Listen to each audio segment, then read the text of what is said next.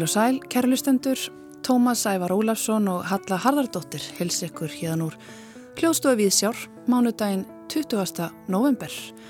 Við verðum út á hafi í dag. Já, dasgrá þáttarins eru aðeins tvö umfjöllurunefni, það er Surtsey og síðan lít þekkt bandarísk sjómanalög en þátturinn hófst einmitt á einu slíku úr smiðu bandaríska tónlistamannsins G. Weller og nefnist að Setting Sail. Í síðustu viku á 60 ára afmæli Surtsegar var útgáfu bókarinnar Essayju eftir myndlistarkonuna Þorgerði Ólafsdóttur fagnað í Norrannahúsinu. Bókin tekur saman listransókn, myndlistarverk og önnur verkefni sem Þorgerður hefur unnið að í tengslum við eiguna með hlýjum síðast einn ára tög. Auk þess skrifa fimm fræðikonur í bókina um fordleifar, jarfræði, fagurfræði og umhverfis heimsbyggi. Við ræðum við eina þeirra, Þóru Pétursdóttur, fordleifafræðing við Oslovarháskóla í þætti dagsins og við Þorgerði Ólafsdóttur sjálfa. Hvernig nálgumst við rannsóknir á þessari eigu og hvað getur Surtsey mögulega kent okkur í dag á tímum mannaldar? En við ætlum að hefja þannan þátt á ósungnum sjómannasöngum og óleistri ráðgáttu þeim tengdum.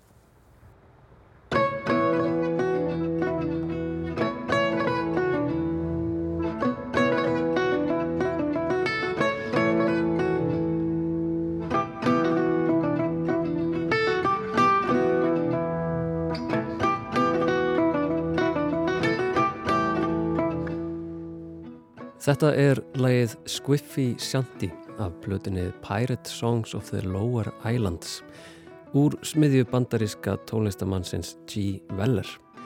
Plötu sem talin er verið að tekin upp á sjönda áratug síðustu aldar en hugsanlega þeim áttunda.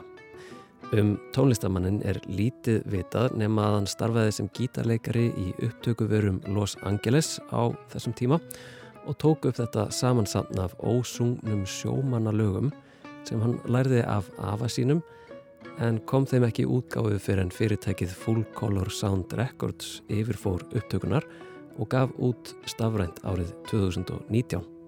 Það er allt á sumt.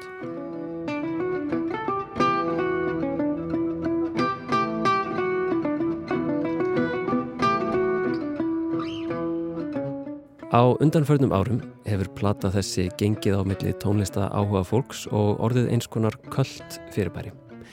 Tónlistamönnum er mikið umhugað um gítartónin sem þykir heldur óvenjulegur, grófur og þá sérstaklega hvernig strenginir eru plokkaðir. Daskrágerðamæðurinn Ryan Richter fekk þessa plötu á heilan og lagði af stað í ferðalag til að hafa uppi á G eða G Weller og eins og góðum dasgrágerðamanni Sæmir hafði hann auðvitað hljóðnemann með í för og úr varð sérstakur þáttur sem nefnist The Mystery of G. Weller eða Ráðgatan um G. Weller og byrtist hann í hlaðvarpseríunni Fretboard Journal. On today's podcast, we are mixing things up.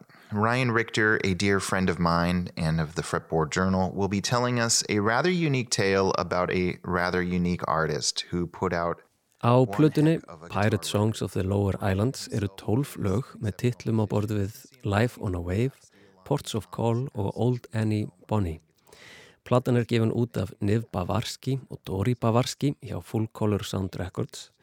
Þar af leiðandi hóf dasgrágerðamæðurinn Ryan Richter leit sína að G. Weller með því að hafa samband við útgefenduna í vonum að skapa aðteglisverða og greinandi frumheimild um höfund þessarar afar einkennilögu og ómþýðu tónlistar. En í hlaðvarps þætti hans fara málinn eiginlega strax úr böndunum þegar hann sest niður með Niv Bavarski. Are there any known photographs of him? You want the address? You want the photo? No, I Should just- I give you a social security number? I just am curious. I'm just curious. I'd like to see the man who's responsible for such cool music. Viðtalið við útgefandan reynist vera martruð hvers dasgrágerðamanns viðmælandin Niv er í mikilli vörn gegn Ryan Richter og segist ekki ætla að leifa honum að narra sig í gildru gotcha miðlunar. Það er að segja hann vil ekki að viðtalið komi upp um starfsætti sína sem útgefanda eða leki persónu upplýsingum um listamannin G. Weller. Á meðan upptakan rúlar heldur Niv litlar niðrandi ræður um fólk sem lifir lífisinu opnum tjöldum á netinu og harmar það að engalífið sé að hverfa úr veruleikunum og verst af öllu svarar hann nánast engri spurningu sem Ryan Richter spyr hann. I yeah, you can't have this stuff publicly available. You know, in a social media age, everybody, you know, like younger people like yourself are obsessed with image and and contact, right? Because on the Instagram, you can just see everybody and you can DM them, Right. Right. It's, not the whole world is not so accessible as you might like it to be. This is true. I, I can I can I, I can recognize that. Ráðgátan um G. Weller helst því alveg jafn mikil ráðgáta og lagt var upp með þrátt fyrir að tala hafi verið við útgefnda hans. Slóðin kólnar og í nokkurn tíma er rannsóknin stopp, allt þar til tónlistamæðurinn og framleiðandinn Blake Mills hefur samband við Ryan Richter og segir honum frá upptökum sem hann gerði með G. Weller. Sú saga er ansi furðuleg og í staðis að segja mikið um Weller blæs hún eiginlega líka meiri riki í augu rannsakandans. Í stuttumáli fekk Blake Mills símanúmer G. Wellers og náði sannfara hann um að koma í hljóðverð til sín að taka upp tónlist með sér. G. Weller mætir á staðinn og spjallar stuttlega við Mills og hljóðmenn hans en rekur síðan augun í plakkat af Elton John sem hengur á veggjum hljóðversins og skiptir þá alveg yfir í breskan hreim og heldur honum síðan alla heimsóknina. En úrverður samt að hann spilar smá lag með Mills og var það tekið upp og byrt á nýju plötu Mills, Jelly Road og nefnist lagið sem þeir spila Such Like Horses og segja heimildir það vera rödd G. Wellers sem heyrist í upphafi þessa lags. Such like.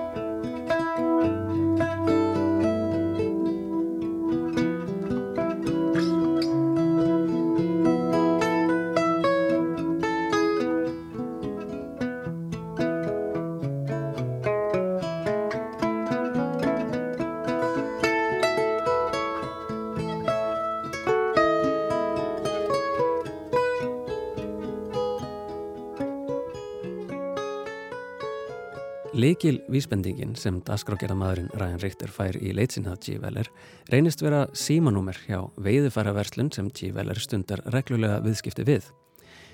Richter ringir í verslunina og gefur þeim lýsingu á manninum eftir minni Blake Mills af kynum þeirra og tekst að fá frá þeim símanúmer G. Wellers. En því símanúmer er ekki svarað svo Richter skilur eftir talskilabóð og fær síðan eftir þó nokkuð tíma svar frá þessum lindadómsfulla tónlistamanni. I mean, hopefully I caught you at a good time. I'm I'm happy to call back, but if you know, I just, I just, I just have a few questions for you. If if Buddy, in my life, there's no such thing as a good time. okay, You just talked for a, hell. You just said a lot of words. I don't think you asked me a single question. okay, fair. You got something you want to talk about today, or what? Yeah, that is that that is fair. Okay, man. So Ryan Richter fær loksins viðtalið við mannin sem hann er að reyna að búa til frumheimild um en einhvern veginn tekst honum sjálfum að klúðra viðtalinu. Hann mærir tónlistinu of mikið og fellur í þá gildru að tala of mikið um eigin leit og minnast á að loksins sé augnablikið að eiga sér stað, gleymir sér í sjálfkverfu og kemur síðan í rauninni bara tveimur efnislegum spurningum að Var einhver tími í lífiðinu sem þú bjóst við sjóin, samt eru lögin sjálfur? There isn't too much in my life that doesn't have to do with the sea, and I'd imagine that those songs are probably connected to it. Although I, it was a long time ago, bud. So. Okay, okay. I mean, are they are they original compositions or because I, couldn't find them on public domain? Like, are are they originals or, or did you learn them somewhere? Originals. What do you mean? Did I write them? Yeah. Eins og heyrist er G. Weller ekkert sérlega spenntur fyrir því að vera í viðtalinu og hljómar smá eins og hann langi innfallega að komast úr símanum. Hann segir Ryan Richter að hann hafi lært sjómannalögin af afa sínum og síðar í viðtalinu minnist hann aðeins á gítartónin hvernig hann náði honum með því að setja aðeins B-strengi í stað allra strengja í gítarnum. Síðan segist hann vera tímabundin en vilji gerðan nálgast eigin tónlist sem hann vissi ekki að væri komin út. Uh, Yeah, yeah, I how understand. do I get a copy of this? How do I listen to this music here? You know, some of my my neighbors up here might be kind of curious to hear that at some point. Yeah. I, are are you familiar with what Spotify is? What's that? That restaurant up in Bedford? No, no. It is in fact I can meet you there. I mean, it's a four-hour drive, but I can meet you there. it's it's uh it's a little bit of a different thing. If if any of your grandkids ask your grandkids if they are Spotify users, if they are, your music is on Spotify. It is a way to listen to music on the internet, believe it or not. Sounds expensive, but I'll uh, I'll ask it. All right.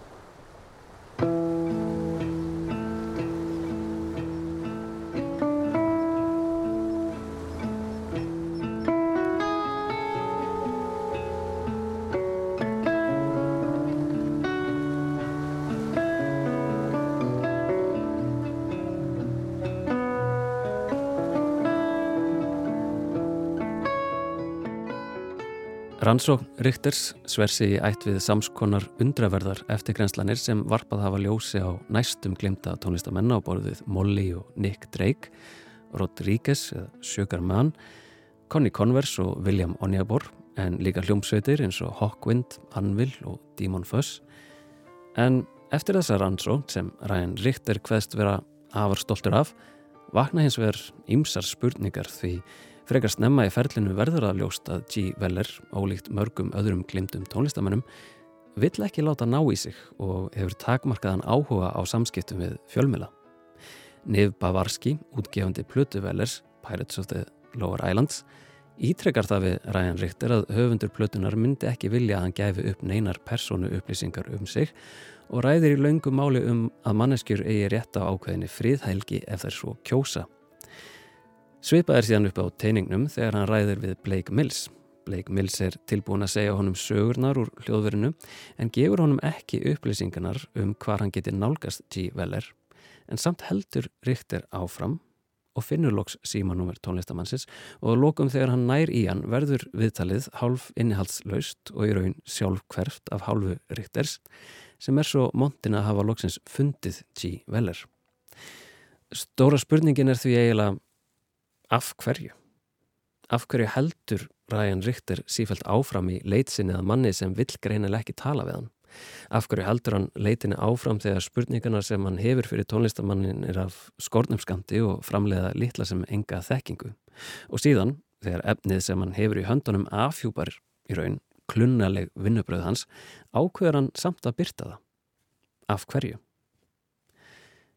Í fyrstu held ég að Ryan Richter væri einfallega bara mjög sjálfkverfur dasgrágerða maður sem held hann væri með eitthvað magnaði höndunum og bæri ekki alveg skín á eigið efni. En svo var mér bent á dagsetninguna. Dagsetningu sem ber ljóslega fyrir augumanns í spilara Fretboard Journal og ég hefði átt að koma auga á.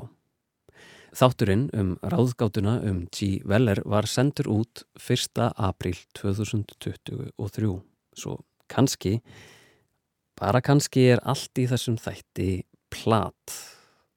Kannski er þetta allt sett að svið. Fjandsamlegi útgefandin, hinn tónlistamæðurinn með skrítnusöguna og jafnvel rödd G. Wellers sjálfs. En ef þetta er plat þá magnast eiginlega ráðgáttan. Í þættinum er hún svo gott sem óleist í endan því þó Richter náði tali af G. Weller þá koma eiginlega engar eiginlegar upplýsingar fram og platan Pirate Songs of the Lower Islands er eiginlega enþá frekar lindadómsfull. Það er ekkit útskýrt. En ef þátturinn er plat þá er platan sjálfsamt enþá til og er enþá afar sérstök og áhugaverð Hún er skráð á G. Weller og þá vitum við nákvæmlega ekkert um hver hann er eða hvaðan þessi plata kemur.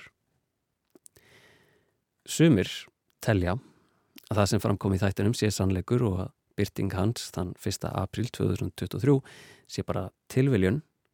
G. Weller var tónlistamæður sem dróði í hlið og vill ekki láta ná í sig en þrátt fyrir það höfðu þessa mögnuðu plötu í höndunum og það er gott. Þeir sem trú hins vegar á april gappið smíða nú samsæriskenningar í kringum plötuna og er svo talin líklegust sönn sem sakar tónlistamannin Blake Mills um að vera G. Weller eða hafa notað þetta nafn sem dullnefni til að koma út plötunni Pirate Songs of the Lower Islands. Stílinn þykir svipa til gítarleiks Mills og talið er að þessi engelli gítartón komi frá svo kalliðum MIDI gítar sem vitað er að Blake Mills eigi. En hvar sannleikunum liggur er enn ómögulegt að segja.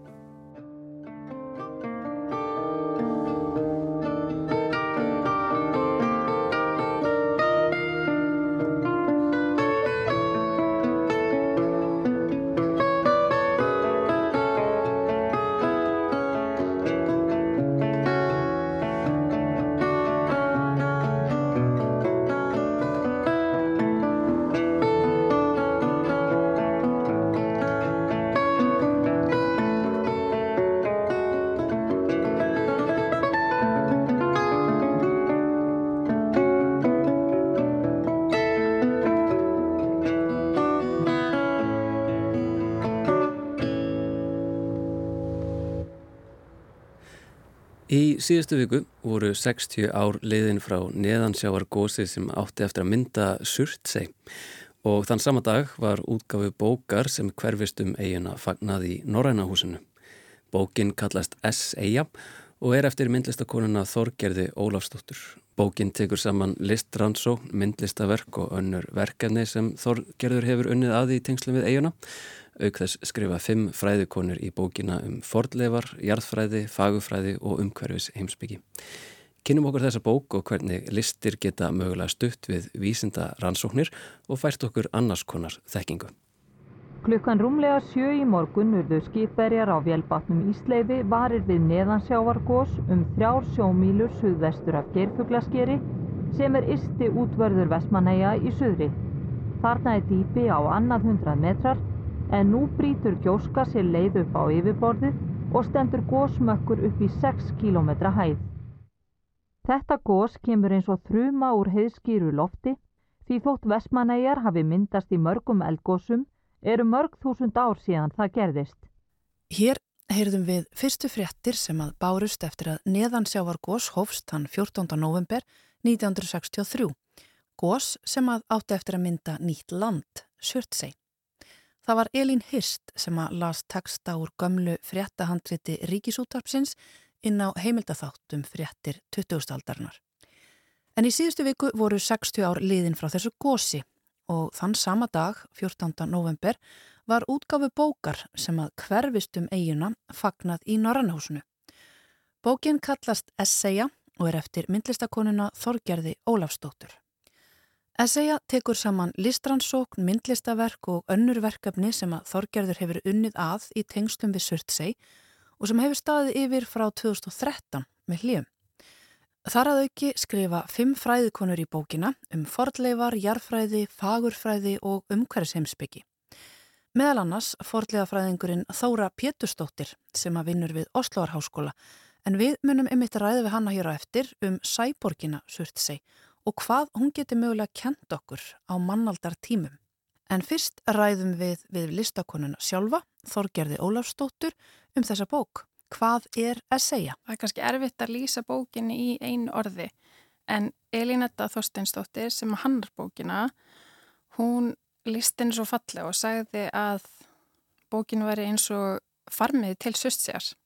Þannig að við getum bara sagt það. Mm -hmm. Farmiði til surtsegar þessi rannsókn og þessi áhugið þinn á Surtsey hefur staðið lengi yfir. Við höfum áður rætt saman hér í Vísjá um þetta verkefni.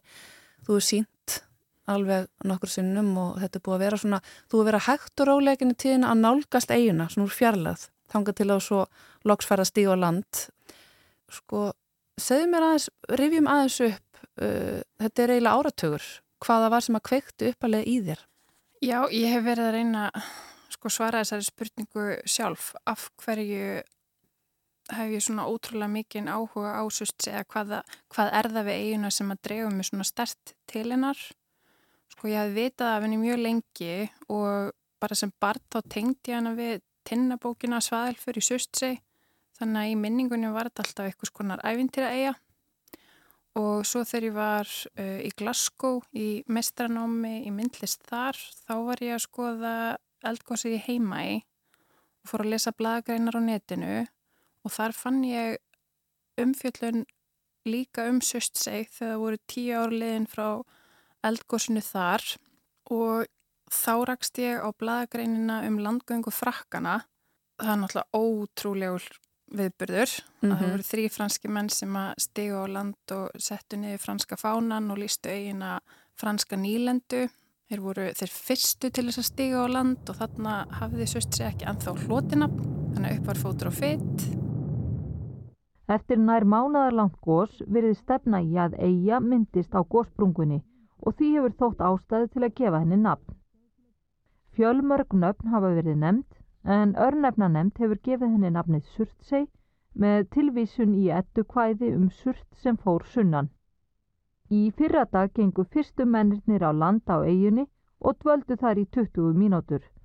Þetta voru bladamenn frá franska bladinu Paris Mats og hefur tiltækið þeirra að verða fyrri til en Íslendingar vakið gremju margra, engum vestmaneiginga.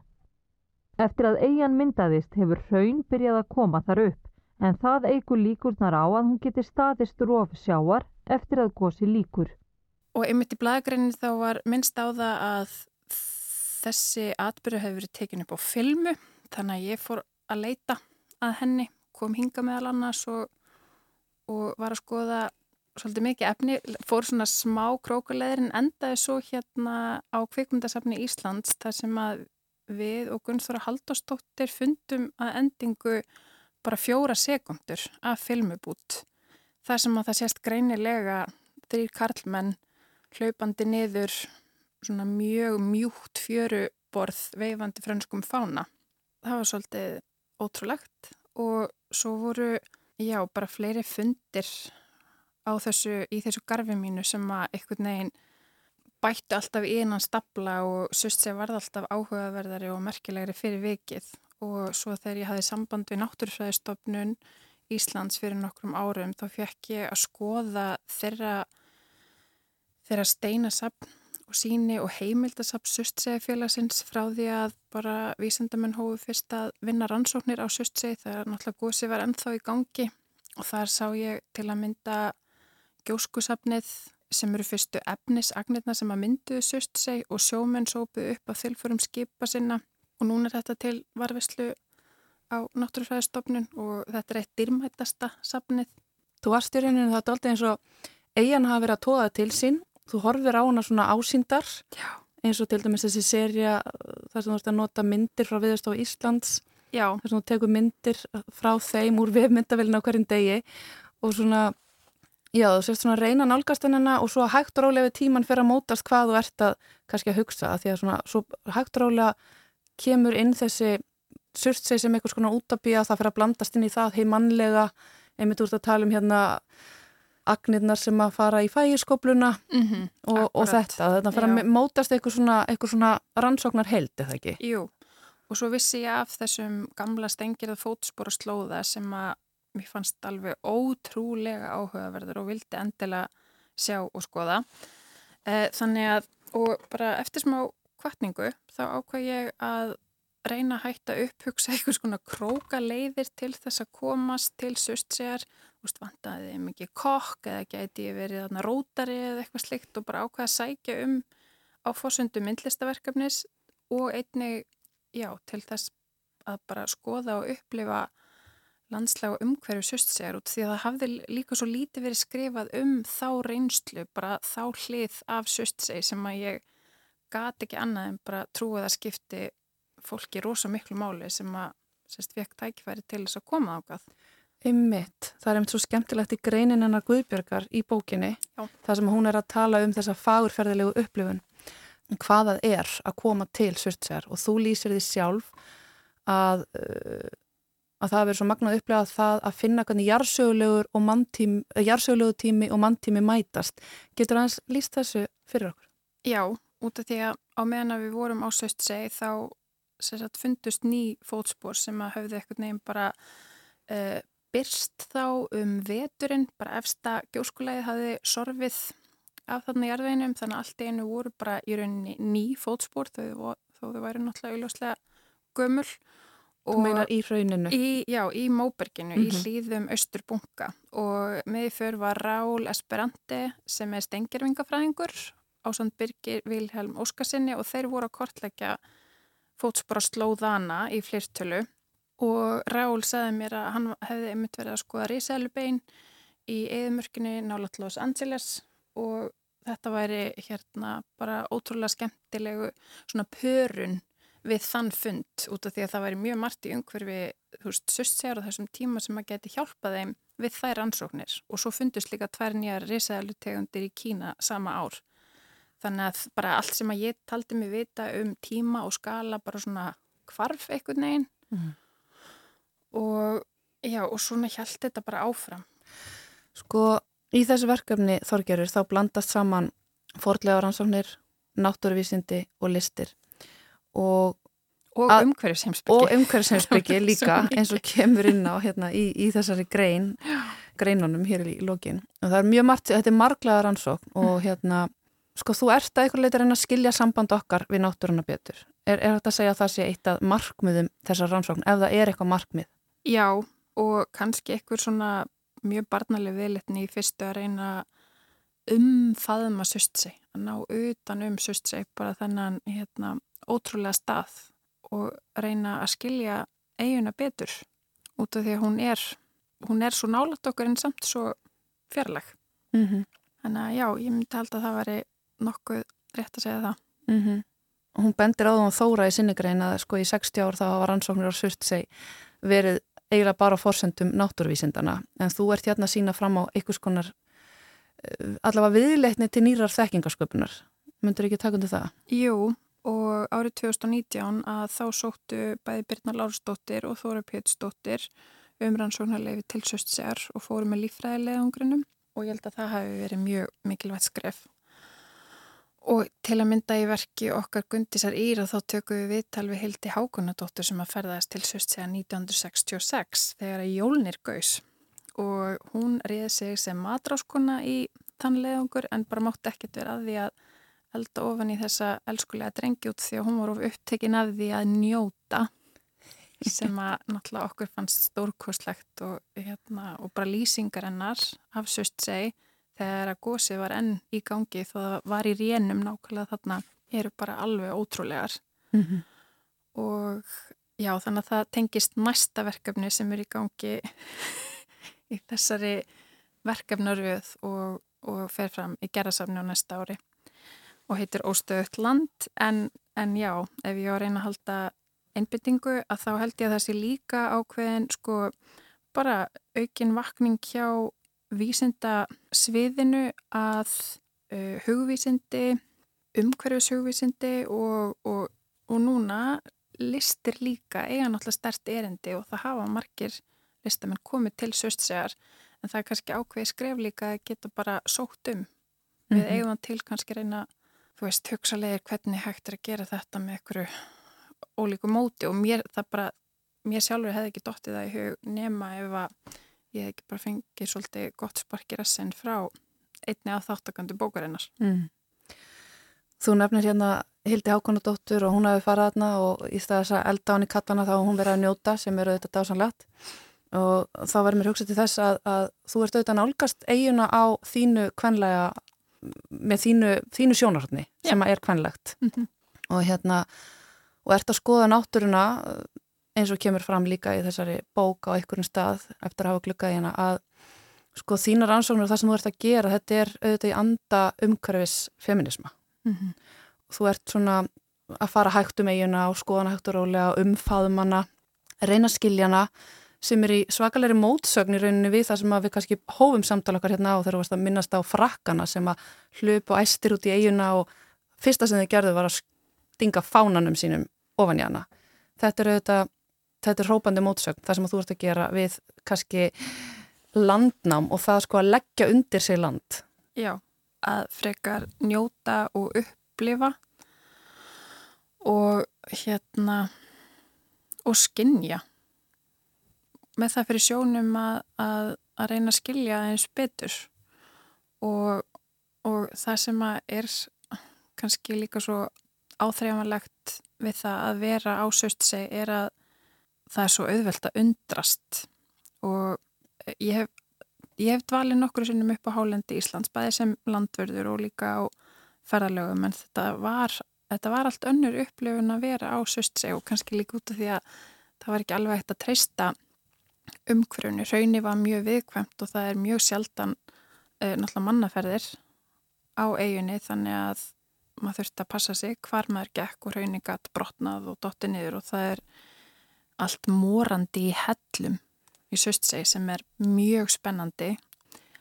Ég var líka bara svo forvitin hvað, þú veist, hvernig upplifunin var að því að dvelja á söstseg og líka þegar að ég heyrði fyrst af þessari landgöngu frakkana þá fór ég að hugsa um tunglgönguna og þetta var svona náttúrulega aðeins á undan tunglgöngunni en það voru eitthvað svo sterk líkindi og það er mynd á honum gerast geri í þar sem hann er með síkarettuna lavandi í munvikinu og hann heldur á mjög stóri raunbombu úr sustsei þannig að það er líka þetta sko að taka frá eini út af því að hún er svo stórbrotin og það er svo ofboslega mikið að áhugaverðu minnjum, munum, steinum, bergi á henni.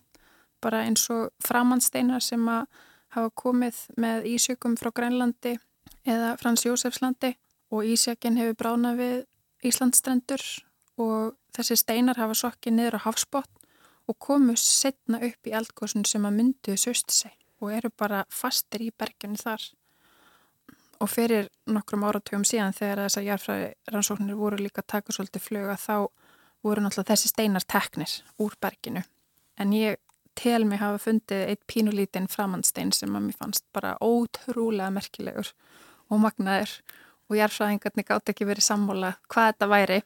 En ég vil meina að þetta hafi verið framhandsteit frá Grænlandi, kannski 150 miljón ára gammal, ég er ekki viss en ég skildi hann eftir bara út í náttúrunni og því að það má náttúrulega ekkert taka með af eiginni. Þetta sprengir alla tímaskala að vera þarna greinlega. Já og ég held að það er, það er, það er svo ótrúlega skemmtilegt að, að tala við fólk sem að hefur ferðast til Sustsjár og bara, þú veist, farið líka hérna upp á Mount Everest eða bara á svona staðir sem eru fjarlægir og þú þarfst að vera náttúrulega fyrir það fyrsta mjög líkamlega vel undir það búin og andlega að fara í svona stóra fjallgöngu en, en bara að taka, taka Sustsjár sem dæmi og heyra fólk svona upptendrast. Það er svo dásamlegt og mér langaði svo mikið til þess að ná aðeins að miðla þeirri tilfinningu í gegn til lesenda bókarinnar og kannski sína meira uh, þessa hlið sem að mér sjálfur finnst svo ótrúlega áhugaverð og allar þessar konur eru náttúrulega bara snillingar í að skrifa á aðgengilegan hátt og gera það ótrúlega vel og, og ég er hérna, það eru allar miklar sko, fyrirmyndir mínar á óleikan hátt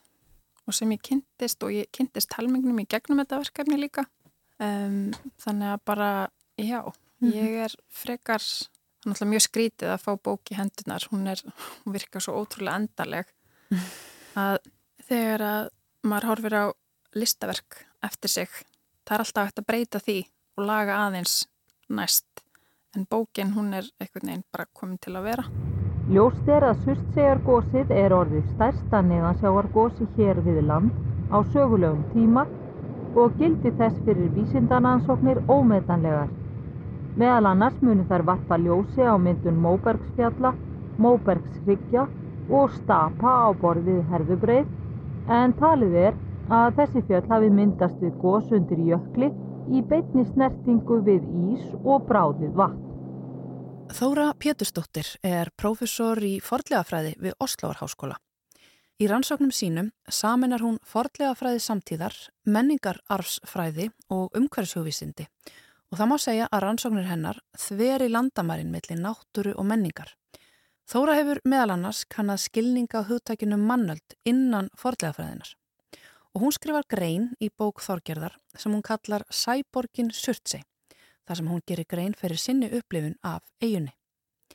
Ég ringdi Þóru til Osloar og baða hana til að byrja með um að útskýra hvernig hugtækið mannöld innan hennar fræða augri hugmyndum fordlegafræðinar sko mannöld á marganhátt, hún augrar ekki bara mínum fræðum heldur uh, í rauninni bara öllum hugvísundum og, uh, og, og öllum vísundum og, og mannlegu samfélagi í heilt. Mannöld sem hugtak var uh, kynnt til leiks skömmu eftir 2000 af vísundafólki úr raunvísundum sem nýtt jarðtíma skeið í rauninni hefur jörðin og hérna, við hefum verið sérst á tíma sem að uh, kallast holosena eða nútími. Síðustu 12.000 ár cirka frá síðustu ís, ístíð, frá lokum síðustu ísaldar. Og jarðvísinda fólk, raunvísinda fólk uh, leit svo á að við værum uh, í rauninni holosena eða nútími fangað ekki lengur stöðu mála í samtímanum.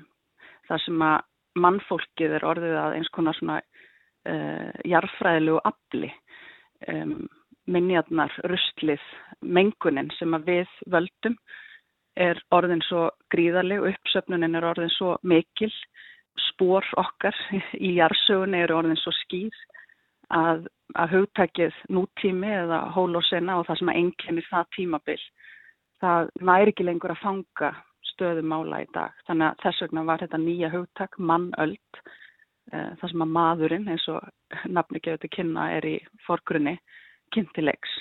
Þannig að í rauninni má segja hérna, þetta að mannöldin sko, hún stukkar við skilgreiningunum á, eða svona skiljón, skiljónum á milli til dæmis jarfisinda og, eða raunvísinda og, og hugvísinda vegna þess að allt í einu er tímabilið og, og svona efniviðurinn sem að áður tilheyrði kannski uh, jarfisindaransóknum líka farin að enkennast af spórum okkar mannana. Þannig að hug og raunvísindis renna saman þarna í mannöldinni. Akkurat. Og það er mitt aldrei þetta svið sem að Þorgerður er að vinna með í, í sínu rannsóknarverkefni. Sko í þessari grein í, í bókinu Essegu þá vitnað þú í upphæðu þinna greinar í Rachel Carson og, og nefni það að, að hún hafi raun þarna um miða síðustöld verið að skrifa á milli þessara tveggja jarsögutímabila sem þú varst hérna að vísa í. Í raun á þess að vita sem er alveg stórmerkilegt með að við sko það sem hún var að fjalla um á sinn ljóðrann hátt. Já, algjörlega. Það er hérna doldi magnað að hugsa til þess og hérna líka vegna þessa Rachel Carsons, hún hérna og skrif hennar, öll hennar vinna, hennar æfi starf, það er mjög mikilvægt í dag og það er, eh, var á marganhátt eh, svona, já, setti á stað svona um, ákveðna umhverfis, nýja umhverfisvitund og svona vakningu sem að náttúrulega hefur bara styrst síðan mm -hmm. þá mm -hmm. en, en hún er mjög mikilvæg svona uh, móðir þessa alls. Akkurat. Þú ert aðeins að fjalla um hérna Íslófíliu og eigaransóknir í þessari grein og út frá Surtsey og uh, bendur á það að Surtsey til dæmis, hún hefur verið rannsökuð á forsendum náttúruvísindana engöngu í 60 ár og án þess að gera mhm. lítið úr því á nokkurn hátt, þá bendur á þessari grein að auðvitað eru aðrar nálganir mögulegar og getur kannski gagnast okkur mjög vel líka. Jú, jú, algjörlega. Ég held að hérna, ég, svona, ég skrifa náttúrulega út frá Surtsey en, hérna, en Surtsey er gott dæmi um svona þessa, það, þú nefnir Íslofílius, svona þessa eiga ást sem að hefur svolítið enkjent hugmyndur okkar um já, um náttúru og, svona, hérna, og náttúruvernd þar sem við hugsaum okkur að við getum verndað eigjar eins og surtseg en líka bara svona eilönd svona eins og vatnajökulstjókar eh, og, og sagt, haldið þeim hreinum og óspjöldluðum á meðan við hefum okkur svona allavega í kringum þessi eilönd mm. og hérna þannig að hérna, ég nota svona surtseg til þess að svolítið að gaggrína þá, þá hugsun og þá já, hegðun okkar að það sem að verður svo augljóst held ég nú á mannöld þegar við sjáum að hérna, já, geimrustl sapnast upp á sportbaug og, e, og í, e, í kvirlum í, í hérna, úthöfum og svo framvegis að þá er það bara svo greinilegt að við getum ekki að áhrif okkar eru í raun allstaðar og, e, og við þurfum að breyta breyta hegðun okkar við getum ekki uh, hegða, eða látið sem svo að við getum bara vendað eilönd og, hérna, og hegða okkur svo allavega þar fyrir utan. Eitt svæði er ekki hægt að einangra Nei. á okkar tímum og, en það er svo rótgróð í okkur að, að halda menningu náttúr að sé algjörlega aðskilin. Mm. Sko þú tekur eitt... Liggur til grundvallar nútíma hugsun á margan hátt. Emmitt. Og mér mm. finnst svo gott dæmis að þú tekur í greininu um sko tómatplöntuna sem að óks í surtseg. Getur þú kannski aðeins aðt mhm. okkur frá því? Þetta er svona pínlítið eins og góðsögn, eins og svona nútíma góðsögn, þessi, þessi saga um tómatplöntu sem að mun hafa fundist í surtseg svona, já, frekar snemma á, á hennar æfi og maðurinn sem að var fenginn til eigarina til þess að líta á þessa undarlegu plöntu, hann hérna var mjög hissað þegar hann áttaði sig á því að þetta var tómatplanta og hún óks svona upp millir tvekja, að hann sög millir tvekja hraun hellna og upp úr svona einhverjum hrauk, mjúkum hrauk eins og hann lýsir því og, og hérna þetta, þegar hann áttaði sig á því að þetta var tómatplanta þá áttaði hann sig líka á því hvað þessi hraukur var. Þetta var sérst, úrgangur einhvers, vísendamanns vantanlega mm -hmm. og uh, á meðan aðrar sko allt, hérna, allar plöntur sem að náttúrulega eru skráðar uh, mjög kyrfilega af vísendafólki sem vinn starfar í surtsegja þá hérna, var þessi planta óæskileg vegna þess að hún barst ekki þangað eftir þeim leiðum sem að lífriki á að berast til eigarinnar heldur af mannavöldum. Þannig að hún var bara, henni var bara eh, mokað upp og sett í svartan ruslapoka og svo var henni flóið úr eiginni við fyrsta tækifæri mm. og rataði ekki á listan yfir flóru surtsegar. Nei, það samræmdist ekki Nei. alveg hugmyndum okkar um hrinnleika eigarinnar en svo er þetta líka bara svo merkilegt dæmið um það hvernig við, þetta fór ekki í vísendarskráðuna hvernig gott að um það hvernig við sköpum sjálf söguna, það, það er ekki eitt sannleikur. Það er það sem algjörlega, við... Algjörlega, og ef ekki er verið að, hérna, ef, ef maður er ekki að falast eftir því að skrá tilvist mannsins uh, og spór mannsins á surtsi að þá náttúrulega verður það ekki hluti af þeirri sögur sem að, sem að sögð er. Sko, þú hefur sjálfstíð á landi surtsi, uh, getur aðeins sagt mér frá þeirri upplöfun og, og svona hvernig svo upplifun fekk þið til að uh, hugsa um Surtsey sem cyborg? Já, já, það var náttúrulega bara alveg stórkostleg upplifun að koma til Surtseyjar. Eh, það er, ekki, það er ekki margir sem að fá að njóta þess og ég sem sagt fekk að fara með líffræðingum, hópi líffræðinga eh, og fylgjast með þeim þeirra starfi sem er líka alveg stórkostlegt. Því að mín gaggríni fjallar ekki um það að gaggrína þeirra mikilvæg, mikilvægu stöð. En það var samt svo hérna, magnað að sjá hvernig sko, hvernig okkar dvöl okkar á eiginni var í rauninni sko greinileg um leið og við stegum á land. Við hérna náttúrulega bara mörkuðum spór okkar í, í fjörusandin eh, á tanganum um leið og við byrjuðum að bera farangurinn okkar og tæki og tól frá lendingarstaðnum og í, í skálan eh, en ég var þar í nokkra daga og hérna og sem sagt fylgist með starfi vísindamannana og en lappaði líka um eiguna og svona skráði og skoðaði og myndaði ímis önnur spór eins og bara, bara það að ég meina alla plantur og, og svona uppbygging lífrikis á eiginni hefur hérna, verið mert með, hérna, með staurum og litlum merkimiðum og svo, og svo framvegis. Þannig að það er, og það er þyrlupallur og það er viti og, e, og það eru uh, vörður og, og svo framvegis. Uh, alls konar svona lítilspor sem að enga síður uh, bera þess merkja að maðurinn hefur lengi verið og alla tíð verið hluti af, af lífríki surtsega svo að segja. Einmitt, einmitt, bara enn sterkari tilfinning fyrir því að það er ekki hægt að aðskilja mann og náttúru. Nei, algjörlega. Mm -hmm. Hvað finnst þér svona örstuðt að lókum að að Sæborgin Surtseg geti kent okkur svona á þessum tímum sem við hófum samtala á að mm. vísa í tímum mannaldar? Um, mér finnst uh, í rauninni Surtseg vera einmitt, uh, eh, mér finnst að Surtseg geti kent okkur það uh, sem þú ert búin að nefna þetta með að við getum ekki skil aðgreint sagt, mann og náttúru eða menningu og náttúru og, og mengun og náttúru.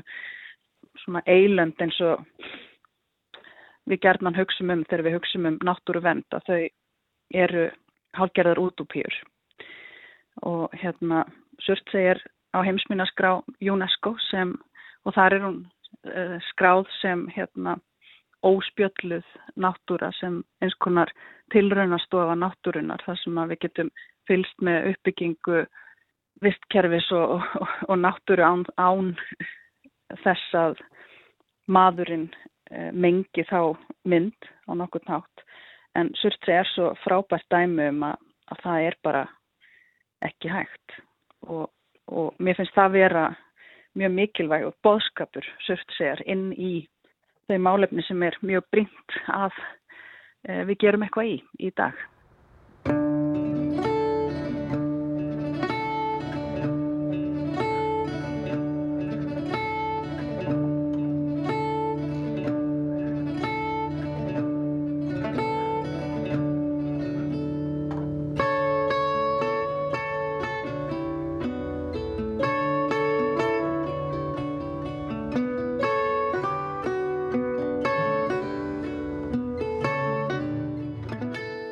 Þóra Pétursdóttir, professor í forlegafræði við Osloar háskóla, saði höllu þarna frá sínum hugmyndum um surtseg og hvað eiga geti mögulega gent okkur. Já, og það er rétt að nefna það að nýjasta afurð Þorgerðar Ólafsdóttur í þessari listaransókn sem snýrað surtseg er listaverk sem að nýlega var sett upp á kömpunum. Verkið er lámynd sem að kallast spór og var sett ofan á stöpulinn sem áður gemdi ringsjána. Hún hefur verið tínt í þó nokkuð tíma. Verkið spór vísar í átt til surtsegar þar sem að vel sést til eigarinnar í heiðskýru veðri. Verkið er úr steinstöpu, sjóregnuplasti og gólsópi úr Pálsbæ 2, skálanum í surtse. Um að gera að stoppa á kömpunum á næsta ferðalagi og líta til eigarinnar. Og það er einmitt þar sem við ljúkum við sjá dagsins. Við horfum til Hafs, hugsanlega til Eyju með leindadómsfulla tónlistamönnunum G. Weller og lægi hans Eyes Towards the Ocean. Takk kærlega fyrir að hlusta og verið þið sæl. Verið þið sæl.